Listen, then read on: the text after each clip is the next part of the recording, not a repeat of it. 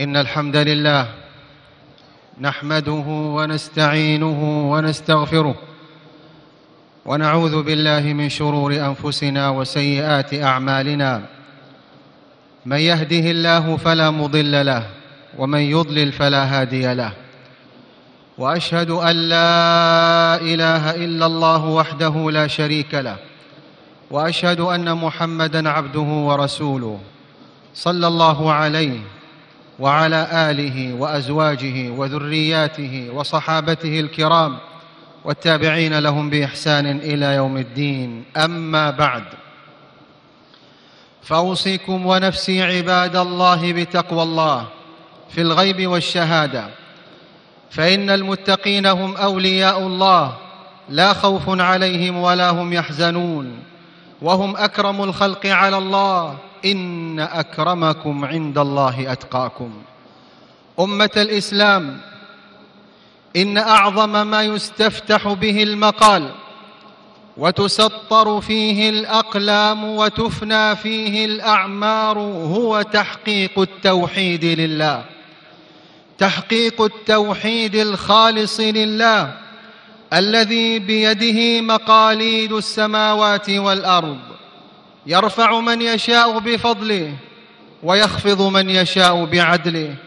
يعز من يشاء ويذل من يشاء. وهو الذي في السماء إله وفي الأرض إله. أحاط بكل شيء علما وقدرة. فما من دابة في الأرض ولا طائر يطير بجناحيه. وما تسقط من ورقة وما يلج من شيء في الأرض وما يخرج منها وما ينزل من شيء من السماء وما يعرج فيها ولا حبة في ظلمات البر والبحر ولا رطب ولا يابس إلا وسعه علم الله وأحاطت به قدرة الله وسلطانه. ذلكم الله ربكم. لا إله إلا هو خالق كل شيء فاعبدوه. ذلكم الله أعظم من كل شيء وأكبر من كل شيء. ما خلق خلقه ليستكثر بهم من قلة ولا ليتعزز بهم من ذلة بل خلقهم وأوجدهم ليعبدوه وحده سبحانه ويوحدوه ويسلموا إليه وجوههم ومقاصدهم وأعمالهم. وما خلقت الجن والإنس إلا ليعبدون. أمة الإسلام أكبر المقاصد وأهم المطالب وقضية القضايا ولب دعوة الرسل تحقيق التوحيد لله تعالى وإفراده بالربوبية والألوهية. إنها قضية الكون والحياة وسر القرآن وأساسه. ما قامت السماوات والأرض ولا نصبت الموازين. ولا خلقت الجنة والنار ولا أرسلت الرسل وبعثت الأنبياء وأنزلت الكتب ولا أقيم علم الجهاد إلا من أجل التوحيد وتحقيقه وتقريره في النفوس والقلوب. التوحيد التوحيد أعظم الحقوق. التوحيد حق الله الأعظم على العبيد وصراطه الأقوم وأول دعوة الرسل ومفتتح خطاب الأنبياء عليهم الصلاة والسلام لأقوامهم. اعبدوا الله ما لكم من إله غيره. وكل دعوات الرسل والأنبياء عليهم الصلاة والسلام مبنية بإحكام ومشيدة بإتقان على هذا الأساس العظيم. ولقد بعثنا في كل أمة رسولا أن اعبدوا الله واجتنبوا الطاغوت. وأعظم الرسل وسيد الأنبياء وإمام الدعوة صلى الله عليه وآله وسلم مكث يدعو إلى التوحيد ولوازمه وتكاليفه ويحذر من الشرك وأنواعه ووسائله ثلاثا وعشرين سنة في مكة والمدينة. ما فتر عليه الصلاة والسلام ولا توانى ولا استكان وهو يقرر التوحيد ومسائله بأساليب متنوعة في كل خطبه ومواعظه ومجالسه صلى الله عليه وآله وسلم. ولم يبدأ عليه الصلاة والسلام بشيء في دعوته في مكة إلا بالتوحيد وكلمته الكبرى لا إله إلا الله صدح بها في شعاب مكة ووديانها وأعلنها في محافل قومه ونواديهم وعرضها على وفود الحجيج والقبائل داعيا إياهم. إلى عبادة الله وحده لا شريك له وتوحيده قصدا وعملا ومخاطبا بها الملأ من قريش. فكان جوابهم أجعل الآلهة الها واحدا إن هذا لشيء عجاب. أيها المسلمون في المسند والصحيحين أن النبي صلى الله عليه وآله وسلم بعث معاذ بن جبل رضي الله عنه إلى اليمن وأوصاه بوصية عظيمة يجب أن تكون نبراس الدعاة والمصلحين. أوصاه بأن يجعل التوحيد أول الدعوة وأساسها وروحها وعمادها. فقال له عليه الصلاة والسلام إنك ستأتي قوما أهل كتاب. فليكن أول ما تدعوهم إليه توحيد الله. وفي رواية فإذا جئتهم فادعهم إلى أن يشهدوا أن لا إله إلا الله وأن محمدا رسول الله. وثبت عند أحمد وأبي داود عنه صلى الله عليه وآله وسلم أنه قال من كان آخر كلامه لا إله إلا الله دخل الجنة. إن التوحيد بداية الإسلام وختامه وأول الدعوة وآخرها والقرآن كله من أوله إلى آخره إنما هو دعوة إلى التوحيد وتحقيقه وتربية للعقول والقلوب على حقائق التوحيد ومعانيه وأمر بلوازمه ومقتضياته من أحكام وتشريع وأخلاق وآداب ومروءات وبيان لجزاء أهل التوحيد وإكرام الله لهم كما أن في القرآن العظيم التحذير من الشرك التحذير الشديد من الشرك وصوره إنه من يشرك بالله فقد حرم الله عليه الجنة ومأواه النار وما للظالمين من أنصار. فالقرآن العظيم الذي هو عهد الله الأخير للبشرية كله حديث عن التوحيد وحقوقه وواجباته ونواقضه. فلا عجب إذن يا مسلمون لا عجب إذن ولا غرو أن يكون التوحيد هو سر القرآن ولب الإيمان. كما قرر ذلك كله شيخ الإسلام ابن تيمية والإمام ابن القيم رحمة الله عليهما معاشر المسلمين. إن حقيقة التوحيد الذي دعت إليه الرسل عليهم الصلاة والسلام هو إفراد الله تعالى بكل ألوان العبادة والتوجه إليه سبحانه وحده بالقصد والعمل ومعرفته سبحانه بأسمائه وصفاته وأفعاله. فتنجذب إليه الأرواح والقلوب تنجذب إليه سبحانه الأرواح والقلوب وتقطع التعلق بمن سواه كائنا من كان. وتتحرر النفوس من عبودية الشهوات ورق الشبهات وأسر المطامع والأهواء وتتخلص القلوب وتتخلص القلوب من الخضوع للمخلوقين والعمل لأجلهم رجاء وخوفا وطمعا.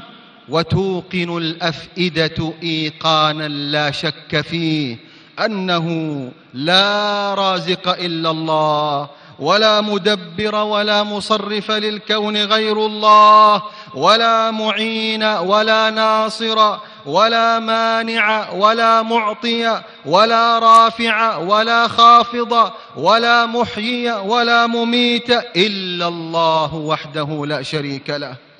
إن القلب إذا امتلأ بحقائق الإيمان وتوحيده ومعرفة الله وإجلاله صفى صفى وأشرق واستنار وعلم حقيقة الدنيا وحقيقة وجوده في هذه الحياة فيعيش في سعادة وانشراح صدر ولذة ونعيم ويصبح ويمسي ولا هم له إلا ربه سبحانه. فإذا سأل فإنه لا يسأل إلا الله وحده وإذا استغاث فبالله وحده وإذا توكل واستعان فعلى الله وبالله وحده. لا يرجو إلا الله وحده. ولا يخاف إلا من الله وحده. ولا يع ولا يعطي ولا يمنع. ولا يغضب ولا يرضى. ولا يوالي ولا يعادي إلا لله ومن أجل الله سبحانه وتعالى. إن التوحيد يا مسلمون تسليم واستسلام لله تعالى. وخلع وقطع لكل شهوة تخالف الأمر أو شبهة تعارض الخبر أو اعتراض على شرع أو قدر. ولا يزال التوحيد الصادق لا يزال التوحيد الصادق يطهر القلوب ويصفيها من أمراضها وآفاتها ويتدرج بها في مقامات الكمال حتى تصبح بيضاء نقية كالسراج المزهر. لا تضرها فتنة ما دامت السماوات والأرض. يا مسلمون يا عباد الله إن التوحيد والعقيدة الصحيحة سفينة النجاة سفينة النجاة. من ركبها نجا من ظلمات الشرك وأهوال الوثنية وسلم من تخبطات الإلحاد وآلام البعد عن الله وشقاء النفوس التي لم ترض بالله ربا وإلها ومدبرا حكيما. وفي خطاب مؤمن آل فرعون عبرة وأي عبرة؟ حين نادى قومه فقال ويا قوم ما لي أدعوكم إلى النجاة وتدعونني إلى النار. تدعونني لأكفر بالله وأشرك به ما ليس لي به علم. وأنا أدعوكم إلى العزيز الغفار. لا جرم أن ما تدعونني إليه ليس له دعوة في الدنيا ولا في الآخرة وأن مردنا إلى الله وأن المسرفين هم أصحاب النار. فستذكرون ما أقول لكم فستذكرون ما أقول لكم وأفوض أمري إلى الله. إن الله بصير بالعباد. بارك الله لي ولكم في القرآن العظيم ونفعنا بما فيه من الآيات والذكر الحكيم. أقول ما تسمعون فإن كان حقا فمن الله وحده وله الفضل والمنة. وإن كان غير ذلك فإني أستغفر الله لي ولكم ولسائر المسلمين من كل ذنب فاستغفروه إنه هو الغفور الرحيم.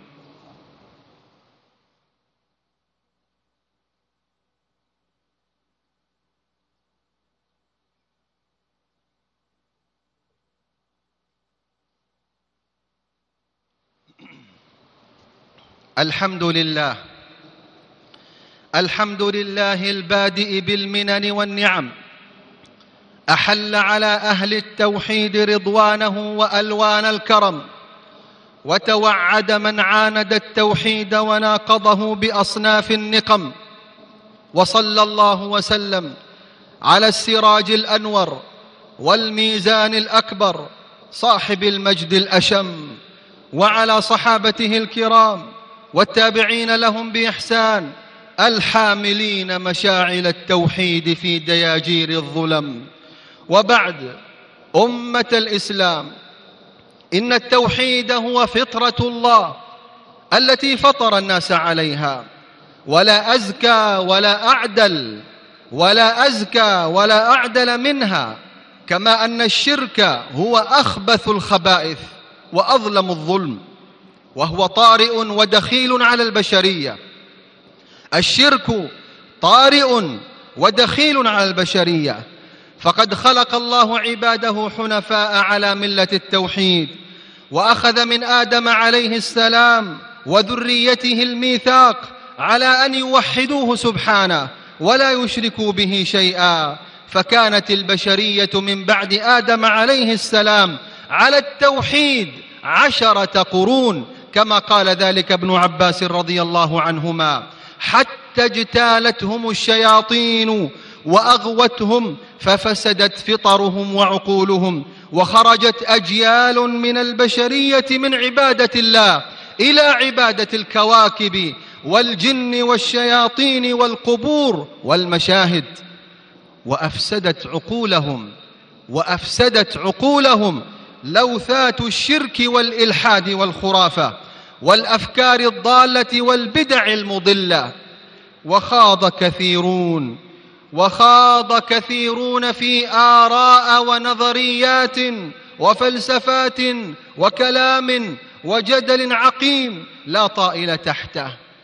وكره أناس الحديث عن العقيدة كره أناس الحديث عن العقيدة وألصقوا بها أفكار التطرف والإرهاب واستكثروا العناية بها والحرص عليها تعلما وتعليما ودعوة فكانوا كما قال الله تبارك وتعالى وإذا ذكر الله وحده اشمأزت قلوب الذين لا يؤمنون بالآخرة وإذا ذكر الذين من دونه إذا هم يستبشرون وما علموا أنه لا صلاح للنفوس والقلوب إلا بأن يكون الله هو مولاها وإلهها وربها ومفزعها ومهربها وملجأها عند الشدائد والأهوال وفي كل الأحوال.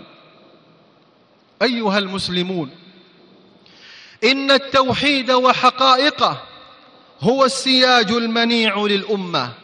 السياج المنيع للأمة من كل انحراف عقدي وفكري أو تحلل سلوكي وأخلاقي. إن منهج العقيدة الصحيحة هو العاصم بإذن الله من قواصم الغلو والتطرف والتفجير والتكفير التي نتج عنها سفك الدماء البريئة في المساجد وغيرها وتكفير المسلمين وتكفير المسلمين أفرادا ومجتمعات وحكومات. إن كلمة التوحيد توحد المسلمين في مشارق الأرض ومغاربها وتجمعهم ولا تفرقهم تجمعهم ولا تفرقهم وتؤلف بين قلوبهم في محبة وأخوة وتعاطف وتناصر وتمنعهم من التفرق والنزاع والشقاق. ومهما ابتغت الأمة مهما ابتغت الأمة الوحدة والاجتماع والنصر والتمكين فلن تبلغ لن تبلغ إلا بتوحيد الكلمة على كلمة التوحيد وتحقيقها قولا وعملا وسلوكا ومنهجا.